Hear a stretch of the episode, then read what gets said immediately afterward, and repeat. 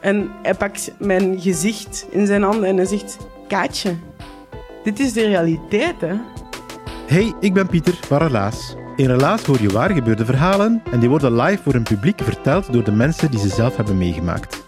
En blijkbaar, ze weten niet hoe dat, dat komt, maar sommige mensen ontdooien beter dan andere mensen. Luister naar Relaas. Je vindt ons terug op alle plaatsen waar je podcast kan beluisteren. De kip zal geen lawaai meer maken.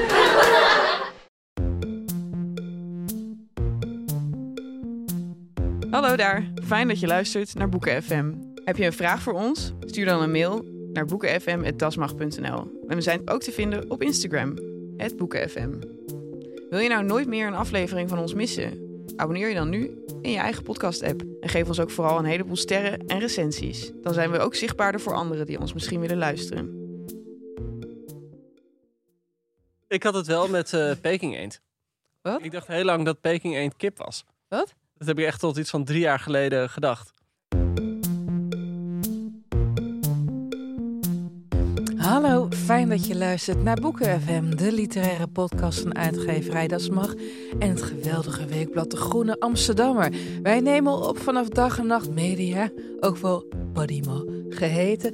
En de stem die je nu beluistert is die van Ellen Dekwits. Hallo, oftewel de mijne. Maar ik zit hier niet alleen. Naast mij is het schrijver en adjunct hoofdredacteur van De Groene Amsterdammer Joost de Vries. Joost, hallo. Hoi Ellen. Hey, en tegenover mij multitalent, volkskrantschrijfster en persoon extraordinair Charlotte Remarque. Goedemorgen. En uiteraard is onze producer, allesweter en morele geweten van deze show er Oh. ook bij, Merel Borst. Ja, hallo. Goedemorgen. Hallo, ja, onze Jaapie Krekel.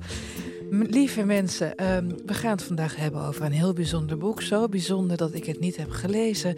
Want er was eh, tussen, de, tussen de reizen en de migraineaanvallen dankzij de jetlag helaas niet de ruimte. Laat staat een pijngrens voor.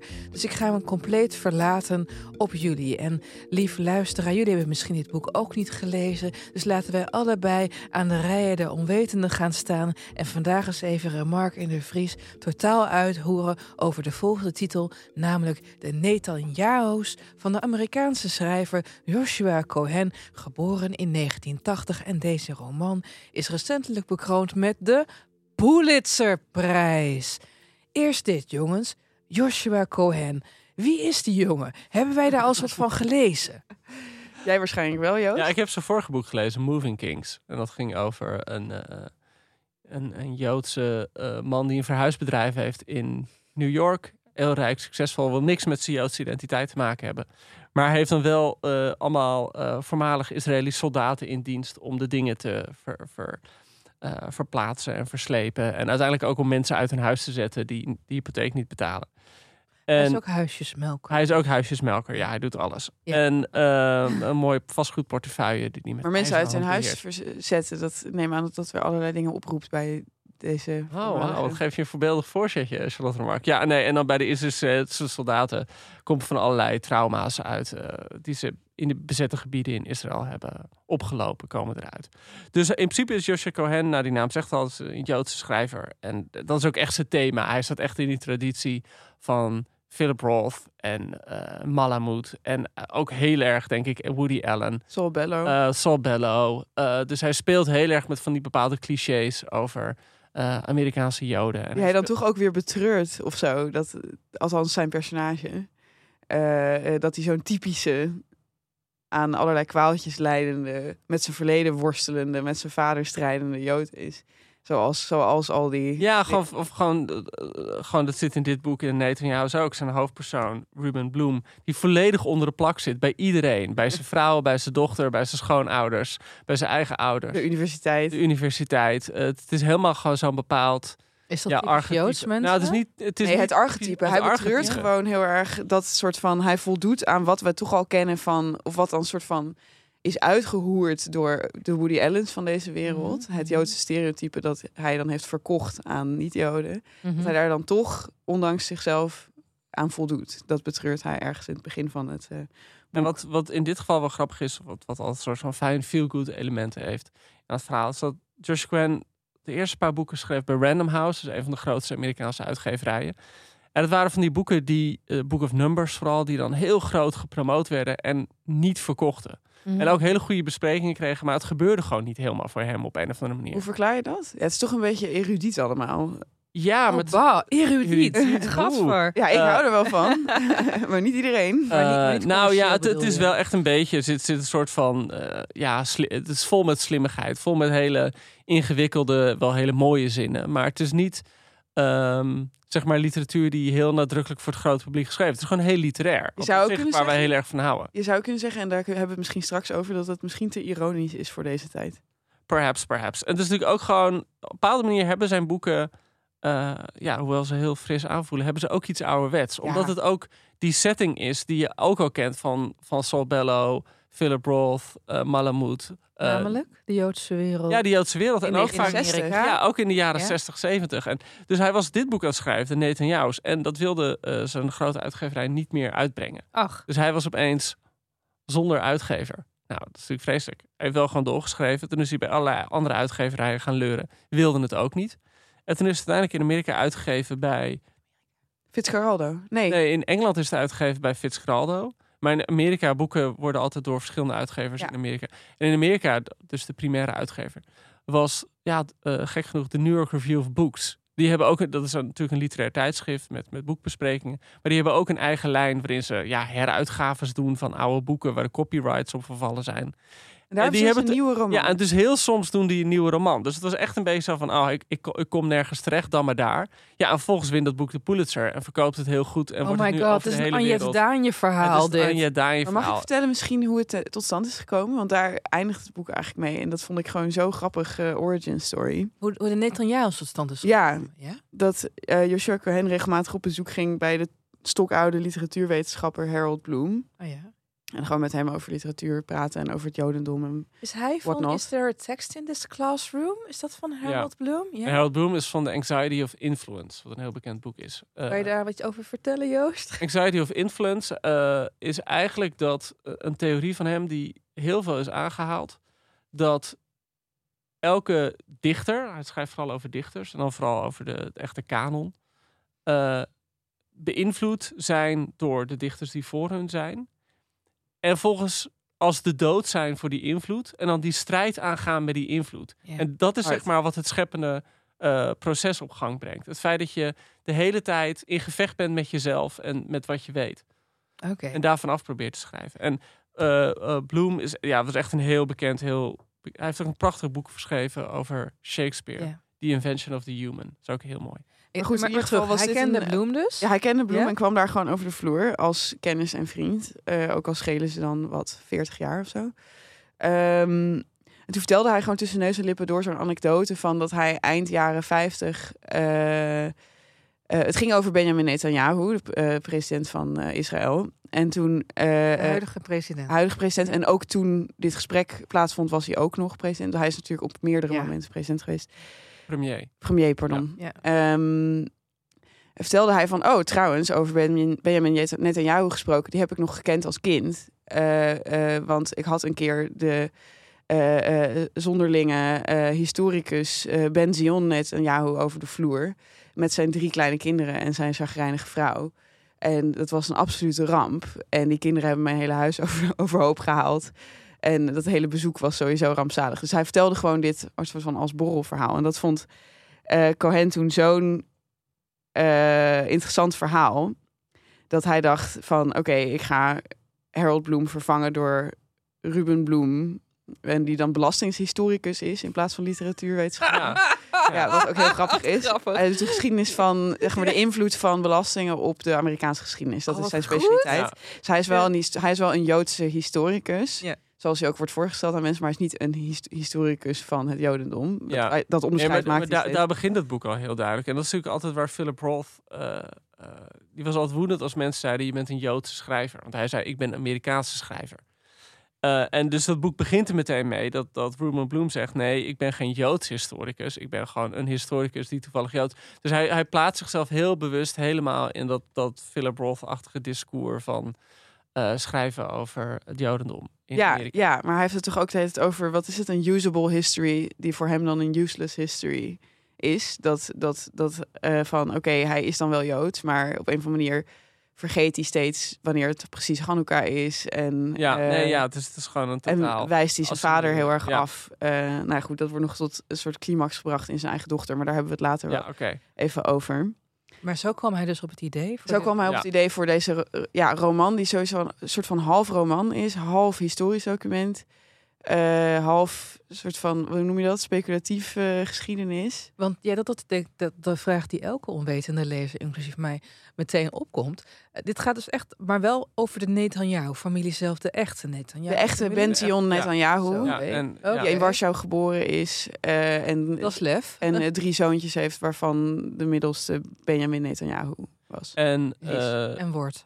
Ja, en wordt. Benzion Netanyahu was inderdaad een historicus van de Spaanse Inquisitie op het Iberisch Schiereiland. Benziel met net. Ben, ja, dat, was die de oudere. Benzion, de, de Ja. vader. Ja. Eh, en die heeft daar ook op een boek over gepubliceerd. Dat volgens mij nog steeds wordt gebruikt van duizend bladzijden. Met een hele eigen thesis.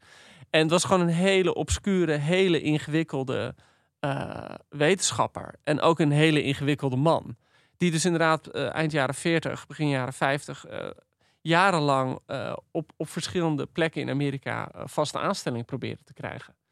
Wat de hele tijd misging, omdat ja, allereerst was toen gewoon zeker in, op, heel, op de Ivy League was gewoon behoorlijk discriminatie tegen Joden. Die kregen echt Oh ja? niet zomaar een vaste aanstelling. Nee, je hebt ook heel lang op, op Ivy League universiteiten gekregen dat er maar eh, een bepaald percentage leerlingen Joods mocht zijn, bijvoorbeeld. Jeetje. Nou, voor de luisteraar Ivy League eh, universiteit, dus de top Ja, dat zijn de universiteiten. Ja, ja, ja. En je hebt toen op een gegeven moment, dat, dat was echt zo'n ding, dat je had op eh, Columbia University, dat ze toen op een gegeven moment dat percentage afschaften.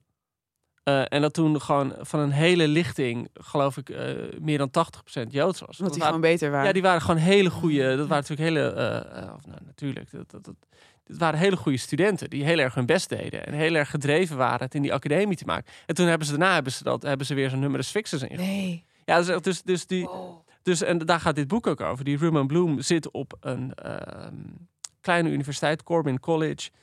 En hij is eigenlijk de enige Jood op campus. Alles, ja, inclusief Alles. de studenten. Hij ja, is gewoon, ja, hij is de, gewoon enige. de enige, Ja. inderdaad. En iedereen vindt dat heel leuk. En, Het speelt zich ook af in de en jaren Excelsior- 60? ja, in eh, de winter van 59, 59. 60. Bijna, oké, Ja. het randje. En zodoende, eh, hij is dan belastinghistoricus. en volgens komt er Benzion, Benzion Netanyahu komt solliciteren. En hij is natuurlijk een totaal ander onderzoeksgebied, totaal ander specialisme. En dan zegt ze tegen Bloem, ja, maar jij moet in de sollicitatiecommissie, want ja, je bent de enige Jood die we hebben. Jij kunt Dus- hem gewoon goed inschatten, omdat hij een van jullie is. En, Oh, love this. ja, nou, Afschuwelijk. en, en voor Ruben levert dit allerlei problemen op. Hij is gewoon namelijk iemand die overal ja tegen zegt of zo. Hij, het komt niet in hem op om hier tegen in verzet te gaan. Bovendien zit hij een beetje in een soort... En alle andere mensen om hem heen proberen ervan, hem ervan te overtuigen dat het een heel dom idee is om in die commissie te gaan. Want wat hij ook doet, het is niet goed. Of hij neemt hem aan, Netanyahu, en dan is hij dus Deportist. ja, is hij iemand die zijn, zijn Joodse vriendjes dingen toeschuift. Of hij weigert hem aan te nemen. En dan wil hij de enige zijn. Dan wil hij zeg maar de, de knuffeljood zijn, om even een heel fout woord te gebruiken. Eh, eh, eh, en, dan, en dan is het allemaal, zijn motivatie zal sowieso worden toegeschreven aan het feit dat hij Jood is en Netanyahu ook. En toch doet hij het of zo, want hij is gewoon een agreeable iemand. En hij denkt niet zo vaak na over zijn Jodendom. En pas bij de sollicitatie van Netanyahu begint hij daar eigenlijk weer over na te denken. En daar ook een soort nachtmerries over te krijgen. En tot diep in de nacht in zijn studie eh, de werken van Netanyahu te bestuderen. Naast hè, de aanmeldingen die zijn dochter voor de universiteit aan het schrijven is. Naast zijn eigen werk. En dat vermengt zich allemaal met elkaar. En dan begint hij toch eigenlijk zijn Joodse identiteit te confronteren. En, en, en die nachtmerries, want je kan natuurlijk om verschillende nachtmerries, eh, verschillende, eh, om verschillende redenen nachtmerries over je afkomst hebben. Is het de kwetsbaarheid die Jodendom met zich meebrengt? Of zijn het de vooroordelen, de stereotyperingen? Wa- Wat, waar, waar gaan die nachtmerries over dan? Ja, een beetje over zijn eigen rol hierin. Want hij ziet zijn dochter eh, streven en streven en streven om aangenomen te worden Ja. in de wereld. En hij ziet hoezeer een soort van haar jodendom dat in de weg zit. En dat wijt hij dan weer aan zichzelf op een of andere manier. Nou ja. Ja, die, die dochter heeft een typische neus. En die is alleen maar bezig met hoe kom ik van mijn neus af. Dat is gewoon, Nee. daar gaan gewoon alle gesprekken over die ze met haar hebben. Ja, het is heel erg Portnoy. Het is, ja, dat is heel erg Portnoy inderdaad. Wat is Portnoy voor de Sorry, lezer? Portnoy's Complaint van Philip Roth. Dat Ja. gaat is een coming-of-age roman over een jonge, eh, jonge jongen die worstelt met het feit dat hij Joods is. En hij heeft regelmatig scènes waarin hij tegen de spiegel gedrukt staat in de hoop dat hij zijn neus soort van kan bedwingen. Het is echt heel pijnlijk, maar wel heel geestig opgeschreven door Philip Roth. Dat personage komt heel erg terug in eh, Judy, de dochter van. Zij heeft van, een eh, portnoise neus. Zij heeft een portneus. Port, port, portneus. En, eh, en eigenlijk is zij ook, zij zet zich af tegen die neus, maar ook tegen alles dat op haar drukt. Want haar grootouders, dat zijn de ouders van eh, Ruben, dat zijn eerste generatie migranten. Eh, geen oorlog in Europa meegemaakt.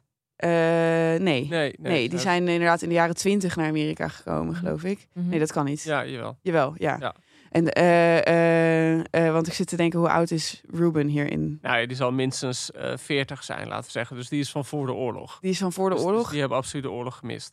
En, ehm, Ah, je hebt niks gemist thuis. en eigenlijk krijg je... krijg- het, het grappige is, dat wordt meteen gezegd. Oké, eh Netanyahu komt solliciteren. En jij moet hem opvangen als hij dan komt. Dus je weet de hele tijd gewoon... Het boek had er ook Guess Who's Coming to Dinner. Ja, ja. Je weet gewoon de hele tijd, ze komen eraan. Ja. En in de tussentijd krijgt hij brieven van mensen die met Netanyahu hebben gewerkt. Een rabbijn van Ja, hem. eerst een rabbijn die zegt van deze man is geniaal. Dit is de meest geniale man die ooit Als dit niet een rechtstreekse afstammeling Ja. is van zeg maar, de oprichter van Zion. Ja, dan, dan is het. En volgens krijgt hij een brief van een academicus die zegt deze man is crazy.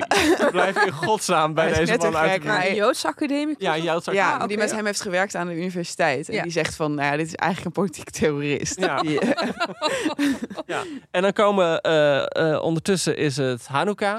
ja, het is Eh, Hanukkah inderdaad. ja. Joodse feest. Ja, en, Nee, en sorry, nee, het is Rosh Hashanah. Rosh Want we zitten nog, we zitten Oh, nog ruim voor Hanukkah. het is allemaal heel besneeuwd en koud. En eh, nou, die twee, die schoonouders willen niet met zijn ouders samen. Schoonouders van wie? Hij heeft een soort... scho- ja, zijn schoonouders van Bloem, van, van Ja? Ruben Bloem. Eh, en die zijn heel modern en cosmopolitisch. En Ja, dat zijn je- de ouders van Edith. Zij zijn een beetje chique New ja, Yorkse... chique, eh, Ja? Hebben jullie toevallig eh The Amazing Miss Maisel gezien? Ja, Daar moest ik heel over die vaak aan denken. comedienne. Ja, die Ja. comedienne. Ehm, en die zijn gewoon heel... Weet je, die vinden het ook gek van... waarom ga je naar zo'n klein universiteitsstadje? Je hebt daar geen opera. Je hebt daar geen, geen schouwburg. Eh, dus, die, dus die zijn heel... Ja, die zijn heel... Die vinden het ook niet erg dat, dat zijn dochter bijvoorbeeld een nieuwe neus zou willen. Die, die staan gewoon overal voor open. En die eh, eh, zijn eigen ouders, die zeggen alleen maar... Oké, ga er wonen. Oké, hoeveel Joden wonen in het dorp? Waar is het dichtstbijzijnde moskee? Weet je hoe lang wij moeten rijden? Als synagoge? Ah! kut, kut, kut, kut, kut. Oké, kun je wilt er dat uitknippen? Nee, nee, nee, de inlaat. Ja, vooral zijn vader, de Ja. vader van Ruben, dat is gewoon iemand die zijn jodendom heel erg front en center heeft staan. En ook de strijd en de pijn daarvan. Maar is, En- hij, is hij ook een orthodox Joods? Joods Nee, qua... nee. Oké, Nee, dus. Maar, maar wel heel erg cultuur. Ja, maar- ja. ervoor. Heel erg dat. En ook heel- maar ook, ook natuurlijk zo'n eerste generatie die gewoon heel veel met racisme te maken heeft gehad, Ja. met discriminatie heeft gehad. En eh, eigenlijk zijn zoon verwijt van jij bent op de vlucht voor je identiteit. Mm. Jij Ja. doet net alsof je het niet bent. Eh, en, en je bent gewoon, eh, ja, je bent je Jood zijn aan, het- aan, het- aan het Nou, en dat komt tot een soort enorme eh, climax in een discussie die hij met zijn kleindochter heeft, Judith, die dit dus eigenlijk allemaal afwijst. Die al helemaal een soort van kind van de, van de pre-jaren zestig is. Zij zegt, ik geloof überhaupt niet in God. Ik wil van mijn, van mijn neus af. Mhm. En zij wil naar allemaal universiteiten, eh, ver weg van haar ouders. Ze Mhm. gaat ook zeker niet naar Corbin. Eh, en zij moet daarvoor van die eh, brieven schrijven, van die cover letters die Amerikaanse eh, eh, studenten moeten schrijven, waarin ze dan een prompt moet beantwoorden, zoals eh, wat is vrijheid? Of schrijf een brief aan jezelf in de toekomst. En Oh, zij dat is is een dus soort sollicitatie. Ja, ja, ja. en zij zit, en zij zit midden in een, in een moeilijke brief die zij aan het schrijven is over wat is rechtvaardigheid.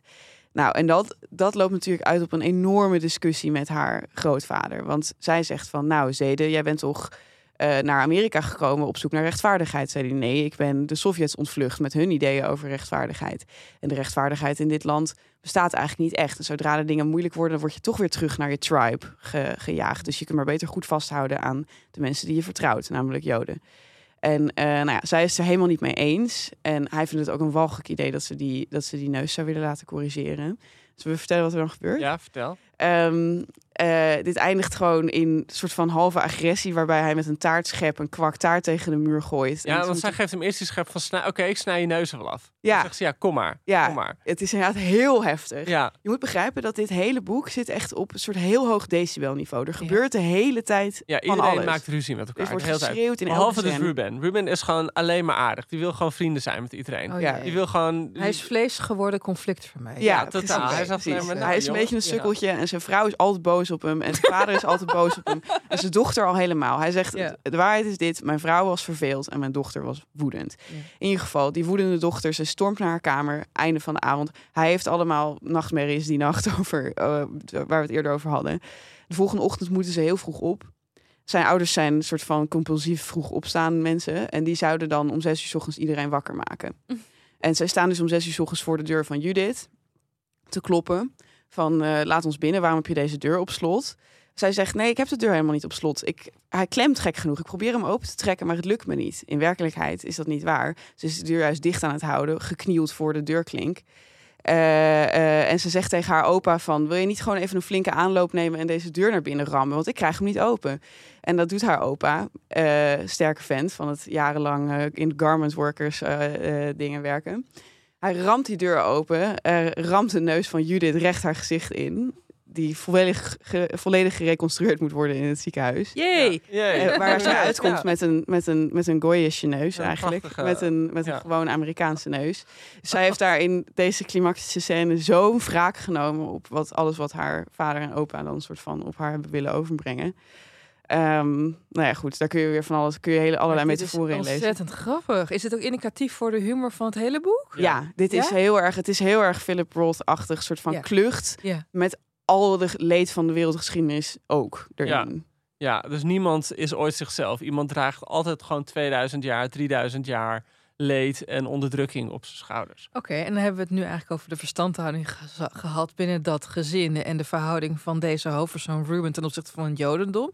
Maar wat, in wat voor conflict komt hij verder terecht wanneer, die wanneer hij zitting neemt in die sollicitatiecommissie en die benzion aan Ja, maar dat, dat, is gewoon zo, dat is gewoon zo ontzettend grappig. Dat, eh, eh, we kunnen het ook nog wel hebben over zijn stijl. Maar gewoon, ik bedoel, je hebt eerst die eindeloze ruzies. eh, gewoon met hem, eh, tussen hem en eh, zijn familie. en zijn kinderen. En, en eigenlijk maar met zijn collega's is het wel goed. Maar die bedoelt, dus je hebt al de hele tijd iedereen is ruzie aan het maken. En de Netanyahu's zijn er nog niet eens. Ja. En dan uiteindelijk. ja, en je krijgt dus intussen die brieven waaruit blijkt dat deze Netanyahu ja, of een gek of een genie is. Ja, inderdaad. Maar gewoon niet echt als een neutraal iemand. En hij heeft al die boeken gelezen van Netanyahu. En denkt ook wel van, hé, hey, volgens mij is deze man inderdaad religieus behoorlijk eh, eh, van slag. en volgens komt er dus een auto aanrijden. Hij denkt, dit kan hem niet zijn, want Benjamin Netanyahu zou, zou voor Benzion zou in zijn eentje komen en deze auto zit helemaal vol met Vol mensen. met kinderen. Dat, Ja, kan niet kloppen. komt een hele grote auto aangereden. Een soort van, van lekkende stationwagon. Vol met kleine, schreeuwende, vechtende kinderen. Eh, en ehm, nou, vervolgens komt uh, Netanyahu dus bij hem binnen met zijn vrouw en zijn kinderen. Eh, die vrouw begint meteen een van de kinderen luier te vervangen op tafel. Eh, ze hebben allemaal gewoon hun schoenen niet geveegd. Druipende bontjassen aan. Druipende bontjassen aan. En gewoon dat hele kostbare interieur van hem. Dat hij zo netjes Helemaal binnen de gesloopt. kortste keren gesloopt. Ja, nou, en dan krijg je ook een soort hele grappige beschrijving van Netanyahu... die eh, eh, een tough nut of a face zou hebben. Wat precies uit Updike komt. Eh, Zo? Janice heeft altijd een tough brown nut of a face. Eh, in in eh, Rabbit, Rabbit boeken. eh, boeken. Ik vond het sowieso, deed het me heel erg denken aan Updike. Wat, in hoe die soort van dat huwelijk beschrijft tussen Ruben en Edith. Ruben die doet de hele tijd pogingen om de ramp die hij voor zijn ogen ziet voltrekken, namelijk hun huis over, overrompeld door eh Netanyahu en zijn telg. Dat probeert hij goed te- maken met zijn vrouw door met haar een soort van ja, onder onsjes te hebben of één op eentjes te hebben of flirt, flirtjes te hebben. Die dan op een soort hele zielige wijze mislukken. Op een gegeven moment moet zij dus noodgedwongen, we ze hadden helemaal geen kinderen verwacht, allemaal snoep op tafel zetten. En dan probeert hij zo speels een snoepje bij haar in haar mond te doen. Van, wij zijn nog wel gezellig samen. En zij draait zo haar hoofd weg en dat snoepje valt op de grond. En dit wordt allemaal aanschouwd door Netanyahu, die ook gewoon in de keuken is Ja, maar. Netanyahu en zijn vrouw die ook alleen maar ruzie met elkaar aan, eh, aan het- en zijn ook alleen maar ruzie aan het maken met de kinderen. Ja, Dus het is gewoon een huis waarin iedereen aan het schreeuwen is tegen En, elkaar. en op, op, op, op welke deel, op hoeveel procent van de roman maken zij eindelijk hun intrede? ja, ik denk pas echt op drie kwart zo. of zo. Ja. Ja, Dus het is eigenlijk allemaal een soort wachten op Godot. Ja. Maar die komt dan helaas ook echt ja, op ja, de helaas komt deze Nou, en de Godot wel, dreiging wordt gewoon dubbel en dwars waargemaakt. Want het is niet alleen dat, eh eh, eh, dat Netanyahu gewoon binnen zijn huis extreem onbeschoft is. Ze zijn overal aan het knoeien en het lekken, aan het telefoneren, ruzie aan het Maar hij maken. wilde de hele tijd bellen inderdaad, zijn kosten. Ja, in een soort van luid Hebreeuws is hij Ja. dan aan het bellen met allemaal mensen. Eh, eh, eh, hij is ook nog eens, wilde zich gewoon niet houden aan de conventies van de universiteit. Want er wordt gewoon zo'n zo'n best wel chic onthaal voor hem geregeld. Weet wel, hij geeft een gastcollege en dan geeft hij ook s'avonds geeft hij een praatje en er wordt een diner georganiseerd. En eigenlijk kijkt hij gewoon neer op dit alles. Hij kijkt neer op deze universiteit. Hij kijkt neer op de hele premisse waaronder hij is uitgenodigd. Namelijk niet alleen om les te geven in geschiedenis, want hij is eh, officieel dan historicus. Maar hij zou dan ook een paar vakken eh Bible study moet, op zich moeten nemen. Ja, uit een soort van ja. economisch denken van de universiteit. Dat vindt hij echt, vindt hij echt gênant. Je weet wel? Want ik ben een historicus. En, eh, en de man die dan vast het vak over de Bijbel geeft, die spreekt niet eens echt Hebreeuws. En hij kijkt gewoon neer op dit alles. Hij schokt over die campus in gimpen met gaten in. Op, ja, ook de hele tijd die beschrijving van die voeten met, met die sokken die door die schoenen heen komen. Ja, ja. En, eh, ja. En onze Ruben. Die hele tijd boos of hij wel op tijd betaald krijgt voor zijn gastcollege. Ja. ja, en onze Ruben die zegt dan op een gegeven moment, die probeert het allemaal zo goed mogelijk te doen. Die zegt dan van, nou, Benzion, wil je niet gewoon een paar regelaars van mij lenen? Want dit gaat toch niet zo langer. Zegt hij, waarom ben je zo obsessief bezig met mijn voeten? Waarom ben je de hele tijd aan mijn voeten aan het denken? Weet je wie pas koude voeten hadden? De mensen in de kampen. gewoon, hij is gewoon, hij gooit echt de meest radicale dingen de hele tijd midden in het gesprek. En zijn vrouw is zich aan het bezatten waar iedereen bij is. En het is gewoon... Ja, op een gegeven moment gaan ze dan, hebben ze ze bijna zover dat ze naar een hotel gaan. ze staan in het Ze hotel. staan in het hotel en dan gaan ze, eh, gaat de vrouw van Netanyahu ruzie maken met de hoteleigenares, toch? En dan, Het blijkt dan aan de balie dat de vrouw van, van Netanyahu al heeft opgebeld om te zeggen: Ik hoef niet in dit, in dit hotel. omdat jullie ons zo besch- eh, onbeschoft hebben behandeld of zo. ja, Ze dan niet nog een extra kamer konden krijgen voor die kinderen. ja, dus dan moeten ze toch weer terug naar het huis van Bloem. En ja, En het gekke wat je de hele tijd ook beseft is dat die Bibi Netanyahu, het jongetje, het middelste jongetje van een jaar of tien, dat dat dus premier Benjamin Netanyahu is. Ja, en ook je de een schoft van de eerste orde. ja, dat is echt iemand die nu heel hard bezig is de democratie op te heffen in Israël. Ja, nou ja, ja, en dat wordt dan nu beschreven als een beetje een, ja, een, beetje een schaamteloos televisiekijkend, eh snoepetend jongetje. Ja. Ehm, Ja, en natuurlijk En- die zoon, die oudste zoon. ehm, nou ja, de, wat, wat, wat, dan moeten we eigenlijk de eindscène ook beschrijven. nee, toch? Nee. Ik wilde gewoon zeggen dat die oudste zoon, dat nog voordat Netanyahu is dus bekend geworden omdat zijn, zijn oudere broer zo'n oorlogsheld was. Jonathan. Benjamin Ja. Netanyahu. Ja, dus Benjamin, de ja. oudste is Jonathan. Ja, en die Jonathan. is in Oeganda omgekomen. Eh, wat was ook in weer... Tebbe, ja, bij zo'n vliegtuigkaping. Ja. Eh, dat, dat, dat- hij- toen heb, hij zat bij de, hij, hij was een oorlogsheld, zat bij de eh, speciale troepen van Israël. En toen in de jaren 70 had je natuurlijk heel veel van die vliegtuigkapingen. En toen in Entebbe is een vliegtuig uit Duitsland eh, eh, is, is daar geland. En toen hebben de Israëlische eh, commando's hebben dat bestormd. En daar is toen één iemand bij omgekomen en dat was eh, Jonathan. Dus, dus eigenlijk daar dankt eh, Bibi Netanyahu dan weer zijn bekendheid aan. Dat het de broer van was. Nee, Zo is hij de Jonathan was echt een soort martelaar Ja, voor, de, was echt een martelaar. voor Israël. Hey, en ehm, wat mij, de vraag die mij nu eh, eh, in mij opkomt, is: het is eigenlijk een tweeledige vraag. Eh, allereerst moeten we al naar de vragen overgaan, Merel. Of kan ik tussendoor nog even één prangende vraag stellen? Zeker nog één prangende Oh. vraag. Wat ben je coulant? Je bent, ja, het is een milde vrijdag. Het is een goede vrijdag ja, ja. vandaag, om ook maar eventjes eh, in de termen te blijven. Wat ik me afvraag, jongens, dit kan natuurlijk fantastische munitie zijn voor de oppositie in Israël, die natuurlijk niets liever willen dan eh, dat eh, Benjamin eh, Bibi Netanyahu ten val komt. Hoe is er in Israël op gereageerd? Want je kan je indenken dat een boek hierover, en dat ook nog eens de Pulitzer wint, toch wel daar ook een impact zal hebben? Nou ja, dat is dus. eh, eh, dat zou je inderdaad denken. Alleen Cohen heeft daar ook al over verteld. Dat zijn vorige boeken zijn allemaal vertaald en uitgebracht in Israël. En deze niet. Geen uitgever durfde het aan. Omdat die allemaal zeiden van, we gaan gewoon aangeklaagd worden. Het gaat gewoon alleen maar voor gezeik leveren. Uh, dus in Israël is het, is het niet verschenen. Het is wel gewoon verkrijgbaar in het Engels. En uh, ik bedoel, in die zin lezen mensen het wel. Maar het, is absoluut niet... En het gek is in, in verschillende uh, interviews in Israël... want daar is Cohen wel geweest om het boek ook te promoten... heeft hij dat ook een beetje gedownplayed. Dat hij eigenlijk zei van... voor mij gaat dit boek niet over Netanyahu. Voor mij gaat dit boek veel meer over Trump. En hij zei, voor mij gaat dit boek erover... hoe je als, als zeg maar, progressieve liberale uh, intellectueel kan denken van... goh, ik leef gewoon mijn leven en ik ben netjes voor de mensen om me heen. En ik heb gewoon de life of the mind. En opeens komt er iemand bij je binnen die daar overal scheid aan heeft. En die gewoon alleen maar wil hebben over eten en, en geld. En gewoon... En uh, zijn zin krijgen. En zijn zin doordrukken. Ja. Dus hij zei voor hem, voor hem ging dat boek er meer... Het ging niet zozeer over... Ik bedoel, Netanyahu is een perfecte aanleiding. Maar het ging hem voor meer erover van wat doe je als uh, weldenkend persoon als de niet weldenkende mensen opeens gewoon bij je op de stoep staan. Dat vind ik heel grappig, want we, we nemen dit op uh, enkele dagen na de verkiezingsoverwinst van uh, WWB. ja. Dus, maar eigenlijk vind ik dit een hele flauwe uitweg van hem. Want Trump en Netanyahu kan je gelijk trekken. Hij kan wel zeggen, ja, het gaat over een Amerikaanse politicus, maar kom op mensen. Ja, nee, ik bedoel, het, het, het gekke is, het lijkt me ook, je, ja, dan had je het ook niet de Netanyahu's kunnen noemen. Precies. Ik bedoel natuurlijk het feit dat je daarvoor kiest. Het verhaal is gewoon te goed. Kijk, ik denk dat hij ook gewoon heeft gezien dat als deze anekdote van Harold Bloom echt zo ongeveer zo heeft plaatsgevonden als in dit boek wordt beschreven, dan is het gewoon een heel goed verhaal. Dat zou, dat zou ik ook niet over mijn hart kunnen verkrijgen om niet meer hem Benjamin Netanyahu te noemen. Ja. Het is ook verkooptechnisch natuurlijk wel slim. Jazeker, ja. Maar er wordt op een gegeven moment um, zeg maar, de grote academische aanklacht tegen Bention is ja. dat hij de uh, Spaanse Inquisitie van 1492 uh, uh, ten onrechte in verband brengt met de Holocaust.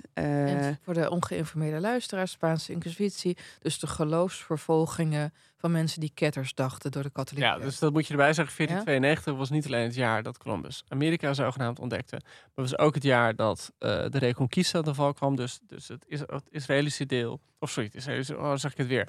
Het islamitische deel van het Iberisch Schiereiland werd terugveroverd door Ferdinand en Isabella. En op dat moment dus... Je, je vrienden. Ja, dus, dus, buren. Dus, dus heel uh, uh, Spanje was weer christelijk, zogenaamd. Alleen, er waren een, een, Joodse minderheid en die moesten zich allemaal bekeren of moesten weg. Ja. En volgens kwam er een, een inquisitie op gang die dan ging zoeken naar mensen die zich niet echt bekeerd hadden, vonden zij. Dus die alleen maar deden alsof ze christelijk waren geworden. Ja, nou ja, en Benzion, zijn, zijn stelling is dan van dat de inquisitie soort van het Joodse geloof, het onderscheid tussen het Joodse geloof en, en, en etnisch Jodendom mm -hmm. heeft gecreëerd, omdat ze uh, met dit onderscheid, met soort van uh, met die zoektocht naar mensen die niet echt bekeerd waren. Nou, dan geef je dus toe dat dingen dat het niet alleen om geloof gaat. Mhm. Mm -hmm. Zo, en dat zij daarmee de etnische Jood eigenlijk hebben gemaakt. Mm. Uh, nou ja, dat wordt dan door zijn contemporaries van Benzion wordt dit soms als revolutionistisch gelezen. Ja, en ook het idee dat de katholieke kerk uh, mensen nodig had om te vervolgen, om zichzelf daarmee te definiëren. Ja, ja zijn dus stelling is eigenlijk dat de geschiedenis wordt bepaald door mensen, door keer op keer het onderdrukken van de Joden, dat dat nodig is om, om definitie te geven aan de niet-Joden. Mm. Maar dit is dus een van de speelpunten van het boek, hoe de Inquisitie en de Holocaust elkaar in elkaars verlengde liggen, uh, dingen gemeen hebben met elkaar. Hoe, hoe vindt dat verder een plaats in de vertelling? Nou, het is eigenlijk ook het, het idee dat de Holocaust dus altijd vast heeft gestaan. Dat het een onvermijdelijk onderdeel is van Jood zijn. Een dat het, het, het, kon niet anders ja. dan daar naartoe gaan vanaf de 15e eeuw. Zo, zo, beschrijft hij het heel erg. Ja, precies. Dat, dus, dat, dat de Joden als, als chosen people mm -hmm. uh, eigenlijk ook altijd per definitie zullen worden onderdrukt of zullen lijden. En dat ze dan vernietigd te worden. Ja, ja, en dat, en dat ook dat had gewoon uh, heel erg onderdeel van hun identiteit. En dat, en dat ruimt dan weer, tenminste in die zin komt dat heel mooi dat, dat boek in. Omdat Ruben Bloem dus niet zo over zichzelf wil nadenken. Hij wil niet een chosen one zijn. Hij wil niet tot een of andere grote stam behoren. Hij, hij denkt, ik ben gewoon, ik ben Amerikaan. Ik ben niet, dat, dat doet er allemaal niet toe. Ja. En dit speelt natuurlijk in de jaren 50. En dat is een van de gekke dingen. Dat in de jaren 50 wilden mensen het überhaupt niet zo over de holocaust hebben. Ook Joden Nee. niet. Want je hebt zo'n heel pijnlijk voorbeeld. Dat er op een gegeven moment, volgens mij eind, begin, ja, halverwege de jaren 50, eh, de stad New York een groot holocaustmonument wilde bouwen, wilde oprichten. En dat de Joodse gemeenschap dat toen heeft tegengehouden. Omdat ze zeiden van, we willen niet als slachtoffers bekend staan. En dat, dat bedoel, dus echt pas, eh, eh, je hebt heel vaak met oorlogen dat er twintig jaar overheen gaat voordat alle trauma's zichtbaar worden. Soms gaat het nog langer overheen. Nou ja, Eh, en in die dat geval was dat echt zeker het geval. En in de jaren 50 in Amerika stond natuurlijk ook veel meer in, de, in het teken van de Communisme. communisme, communisme Ja. McCarthyisme. Is daar, hier wordt er hier in het boek ook nog melding van gemaakt dat het eenzelfde soort heksenjacht zou kunnen zijn. Ja, het komt er wel in voor. Het is niet een centraal thema, maar het wordt wel eens in een van die vele intellectuele discussies wordt het iemand voor de voeten geworpen. Eh, eh, ja, dat was inderdaad op een gegeven moment een van die mensen van de commissie vraagt aan Netanyahu in een, op een hele ingewikkelde en verblo- half verbloemde manier van ben je een socialist? En dan zegt hij nou, ik zal uw vraag maar gewoon beantwoorden. Ik ben geen socialist. Ehm, Dat speelt nog steeds op de achtergrond. dus het speelt op de achtergrond. Maar het gaat wel vooral heel erg over een soort van eh, dat chosen people versus het land van, eh, van, van, van een soort van oneindige keuze. Eh, en die dubbele beweging waarbij tegelijkertijd in de staat Israël het Jodendom opnieuw werd uitgevonden en in Amerika de Jood werd een soort van, hoe noemen ze dat? Ja, van zijn identiteit wordt schoongeveegd of tot Amerikaan wordt gemaakt Mm. dat dat iets is wat precies tegelijk gebeurt. En dat dat, dat dus eigenlijk hetgeen is dat Ruben ook verscheurt. En hij zou dat hele Israël eigenlijk kunnen vergeten... waren het niet dat Netanyahu nu gewoon met zijn bontjas aan in zijn kamer staat. Ah, het drama van de diaspora. Goed, daar pauzeren we maar eventjes op, want ik zie Merel heel erg naar mijn gebaren. Ja, Wordt weer onrustig. Merel, hi! Hi. Hey, vertel. Ja, nou, ik zal het eens vertellen. Eh, een paar afleveringen geleden, weten jullie nog? Ja. Toen hadden we onze lieve Bob te gast. Die vertelde over eh, de wetten van Connie Palme. Die een paar keer En- gelezen, toch, het boek? Eh, ja. Dat zegt hij zelf, 60 of zo? Ja. Ja, insane. Maar ehm, toen hebben we een prijsvraag eh, de wereld ingegooid. Namelijk verzin een nieuwe naam voor eh, Connie. Wacht, ik was hier toen niet. Waarom hebben we dit mensen gevraagd? Omdat in de, in, de, in de wetten staat de identiteit van de schrijfster en dus indirect die van de vrouw centraal. En zij heeft diverse andere namen. Zij wordt door an- allemaal mannen in die roman telkens met, met- van een andere naam voorzien. Dus wij dachten, hé, hey, Bob die had bij de echte Connie een gesigneerd exemplaar gehosteld. Wij moeten een prijs vragen. Dus bedenk een nieuwe leuke naam voor Connie Palme, voor in de wetten. En er kwamen heel veel reacties Heel hierop veel binnen. Heel veel reacties. Dank daarvoor. Superleuk. Ik zal er even een paar voorlezen om een, eh, een, een, beeld te geven van wat mensen zo al bedacht hebben. Eh, Brenda die stuurde in de dwergpalm. Els zegt, voor mij mag het komeet Connie worden. Omdat ze inderdaad een ferme uitstraling heeft en een allesvernietigende kracht lijkt te bezitten. En ze gaat hard natuurlijk. Connie gaat hard. Connie gaat hard. Zeker.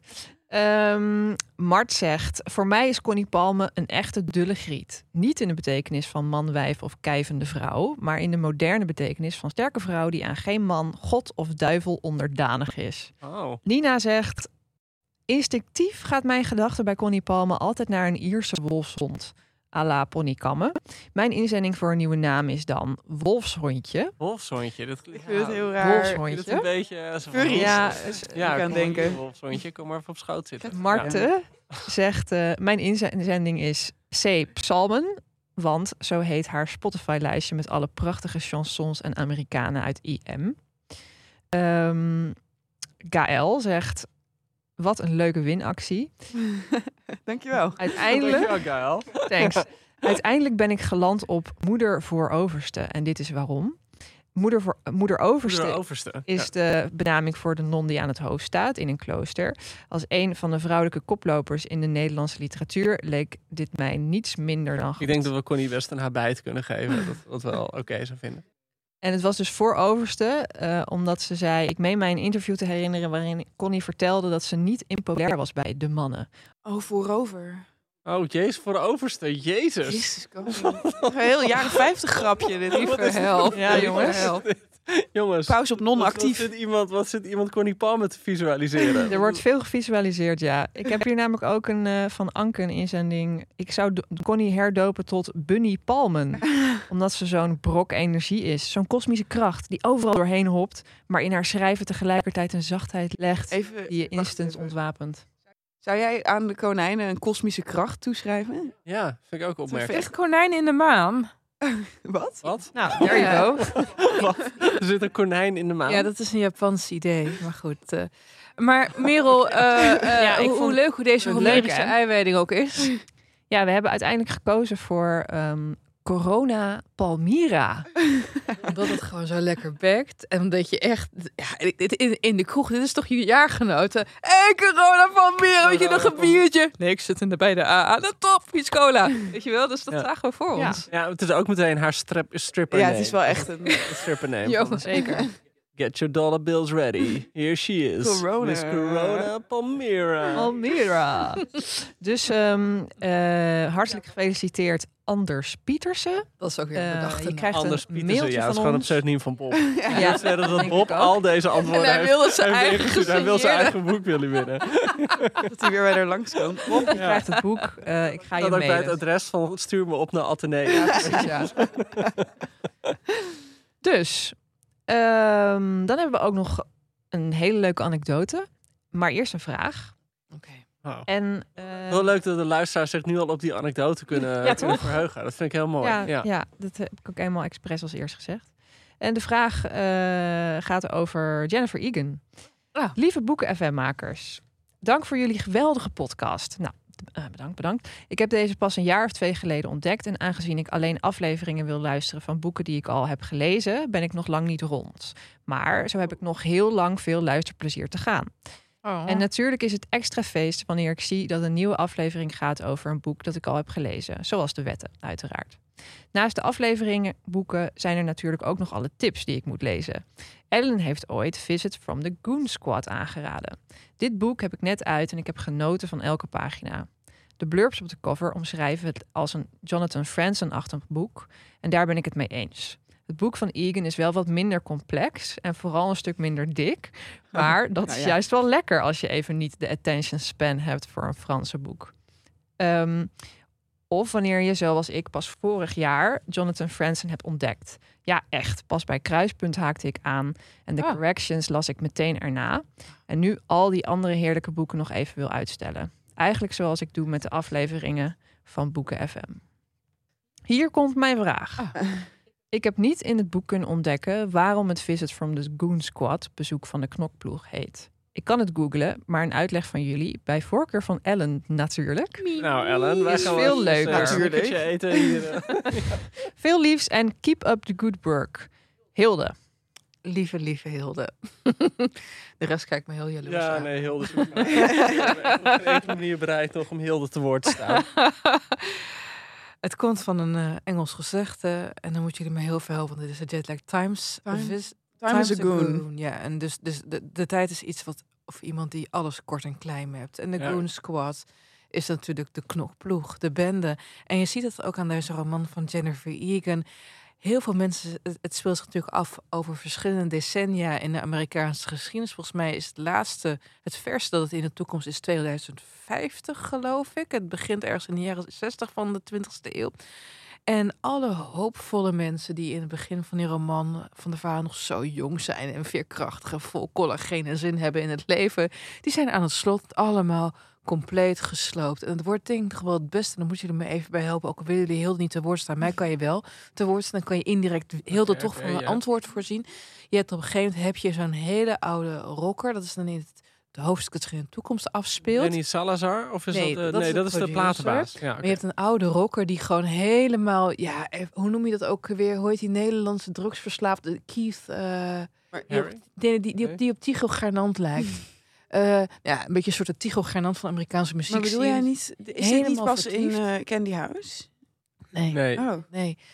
Het eindigt dat ze met z'n- het boek eindigt dat ze dat eigenlijk al die, heel veel van die personages naar zo'n concert toe gaan. Oh ja. Ja, ja. dat is dat- de ene laatste. Dat is de ene laatste. Oké. En dan is dus die oude rockster, die hebben ze echt uit het graf omhoog getakeld. En die gaat dan dingetjes doen. En die was eens ooit zo vitaal als een jonge Arabier. Oh, die. die. Ik een hengst en niet een moslim. en die is helemaal, helemaal afgepeigerd. En, volgens, en dat, is, dat is gewoon voor mij het symbool van hoe de tijd iedereen sloopt. En ook gewoon dat je op een gegeven moment niet alleen achterblijft met een door de tijd verwoest lichaam.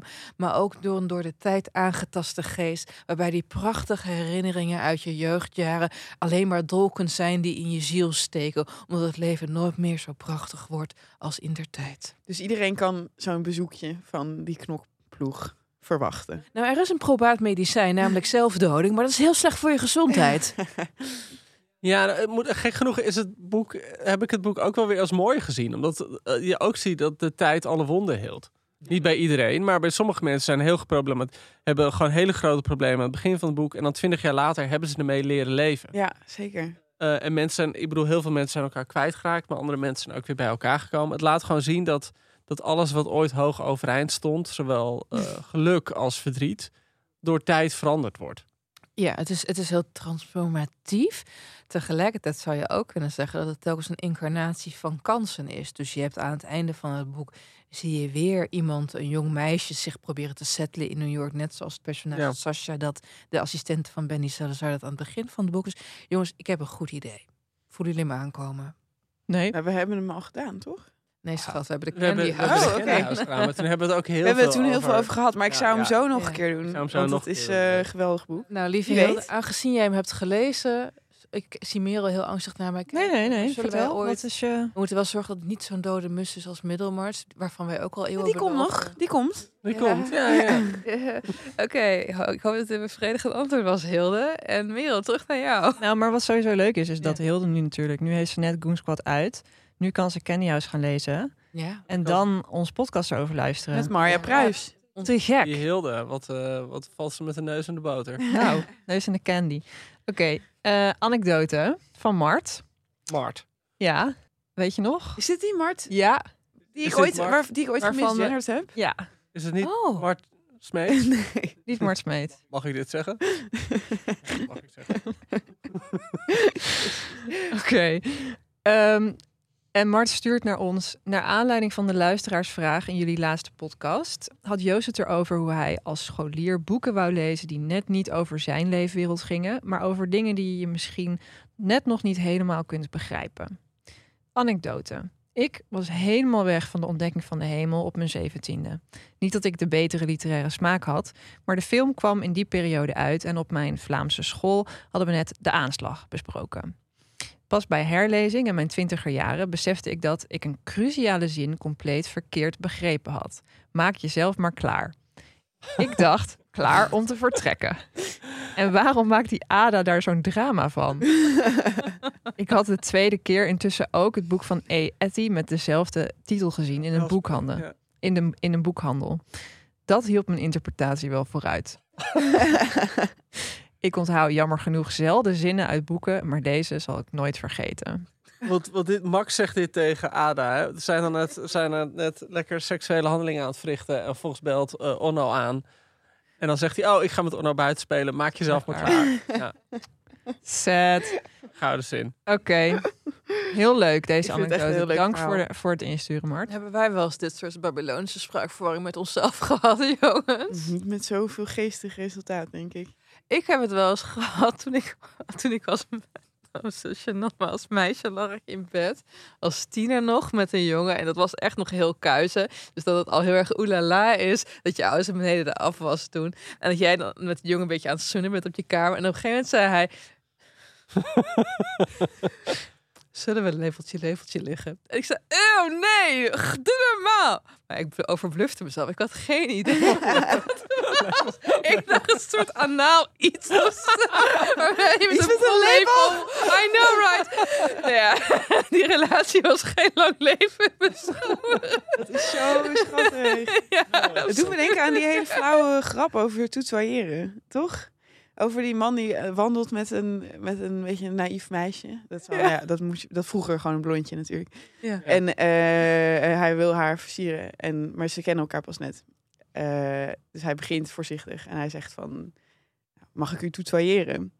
En zegt ze, "Eh, ja, maar niet hier in het natte gras.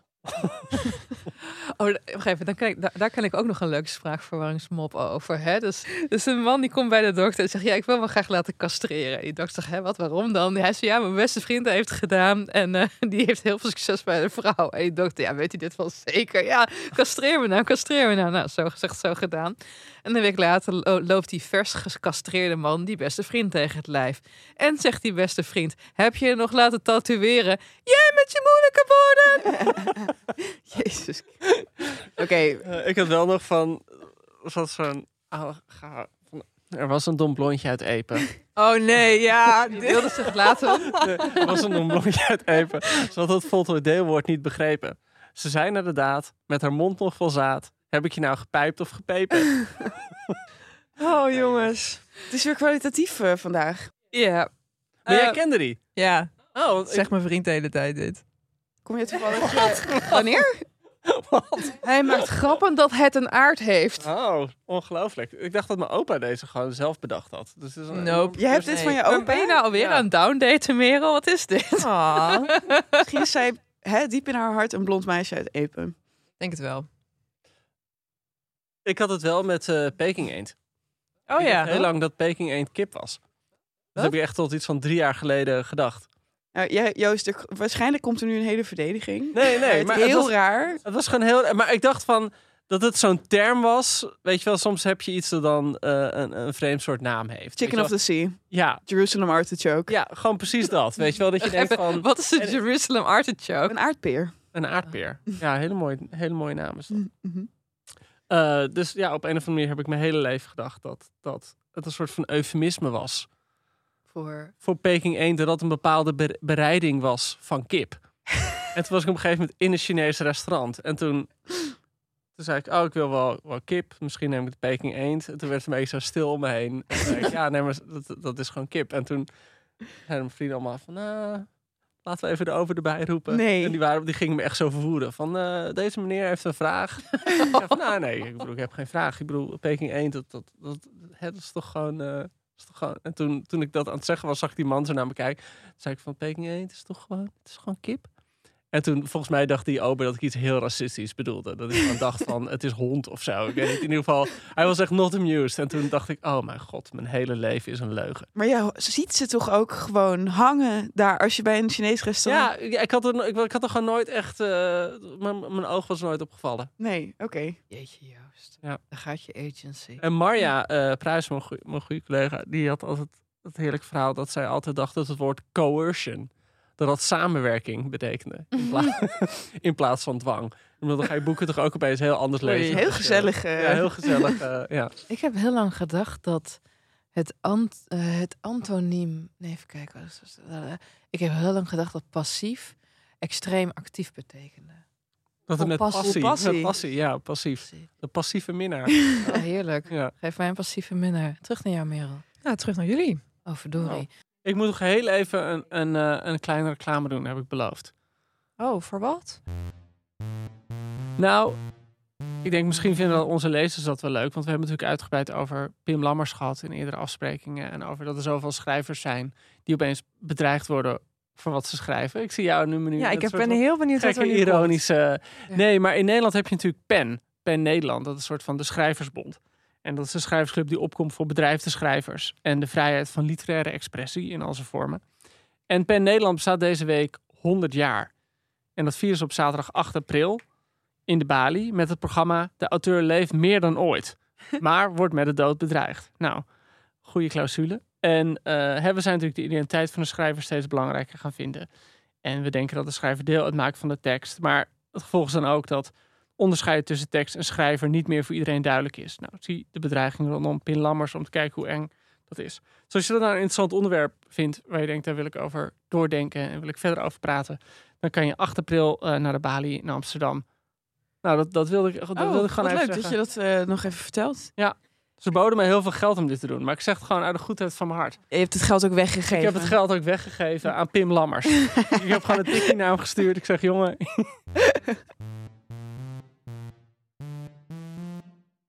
Nou, ik had nog wel even een, eh, een vraag. En als ik zo vrij mag zijn, een goede vraag. Maar ik moet hem er wel even weer voor de geest halen. Want dat is die verrijkte jetlag. Eh, het is eigenlijk een beetje hetzelfde als met South Park. Een van de twee makers van South Park is Joods. En in South Park vinden ontzettend veel harde grappen over Ja. Joden plaats. Als deze roman niet was geschreven door iemand van een Joodse komaf, jullie voelen hem al aankomen, had het dan gekund? Ik vind het interessant, want Cohen zou hier zeker een mening over hebben. Hij. Ehm, ze- ze- deze roman speelt zich af in 1959, maar hij heeft ook een deel hiervan heeft hij bedoeld als een commentaar op de hedendaagse verhoudingen in de universiteit. Hij heeft gezegd: in alle intellectuele beroepen is een sollicitatie gaan lijken op een ondervraging door de Inquisitie. Het gaat tegenwoordig meer om wat je denkt en gelooft dan om wat je kunt. En ideologische zuiverheid is belangrijker dan ooit. Dus zeg maar, hij heeft een vrij ouderwetse of zo'n beetje een oude mannenopvatting over wie wat mag zeggen. Mhm. Eh, dus ik, ik ben benieuwd of hij zou zeggen: dit had alleen door een Jood geschreven mogen worden. Mhm. Ik zou zeggen: dit had, had ik best wel erg gevonden als het Ja, niet geschreven erg was door een Jood iemand. door iemand die Cohen heet geschreven. Maar het is omdat, kijk, omdat het ook gewoon heel erg gaat over de worsteling van Ruben zelf of zo, vind ik het niet dat hij iets bagatelliseert. Ja, hij maakt natuurlijk wel een beetje slapstick van. Mhm. Maar het is omdat het ook raakt aan diepere thema's. Maar goed, inderdaad, ik, het had misschien echt alleen door een Joodse auteur geschreven kunnen worden. Wat nou als het door een zwarte vrouw was geschreven? Ja, was ook heel raar geweest. Dat, ik zou niet weten waar ze het vandaan had gehaald. Nee, ja, dat, dat ook. Ik had er wel echt bewondering voor gehad. Want dan Ja. dacht ik, goh, dan had je wel, dan had je wel echt heel veel kennis van eh, Joodse cultuur en, en gebruiken en noem maar op.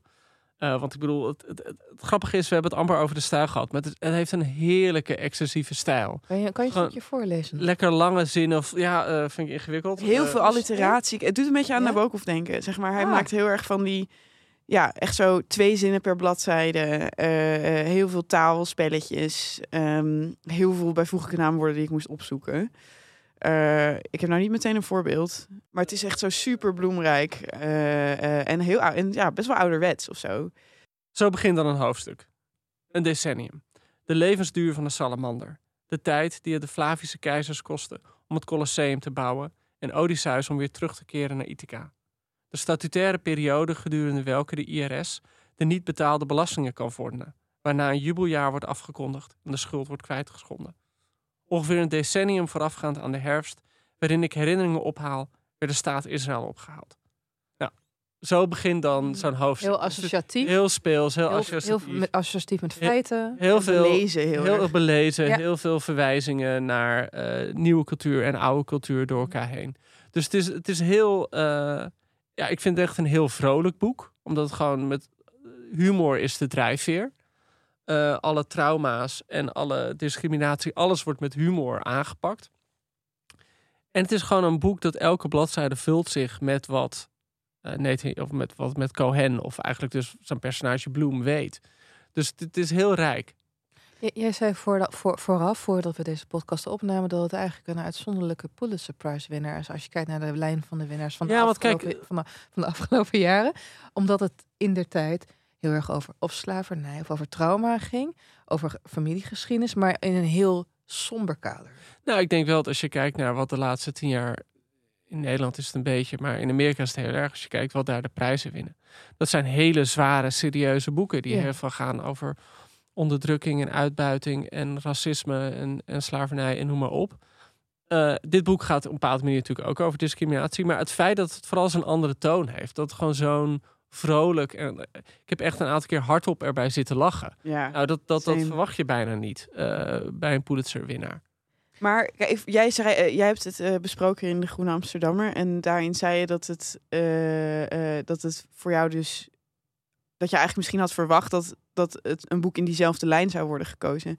Terwijl het lijkt mij toch logisch dat als er al tien jaar hetzelfde soort boeken wint, dat dat dan op een gegeven moment. Ja, dat is heel logisch. Maar Mensen als het ook al tien zijn. jaar diezelfde boeken winnen, dan Nee, oké. ja, het klopt. Iets moet een keer afwijken van ja, de maar lijn. qua Ja. thematiek schurkt het wel bij vorige winnaars aan, maar het is de toon die te taf. Ja, de toon. Nou ja, wat jij eigenlijk net vroeg van, oké, dit, eh, het is nogal, nou ja, speels of, eh, ja, het, het wil niks verharmlozen, maar het is het Wat is verharmloos? Verharmlozen. Wat is dat? eh, eh, bagatelliseren, maar dan in het Duits.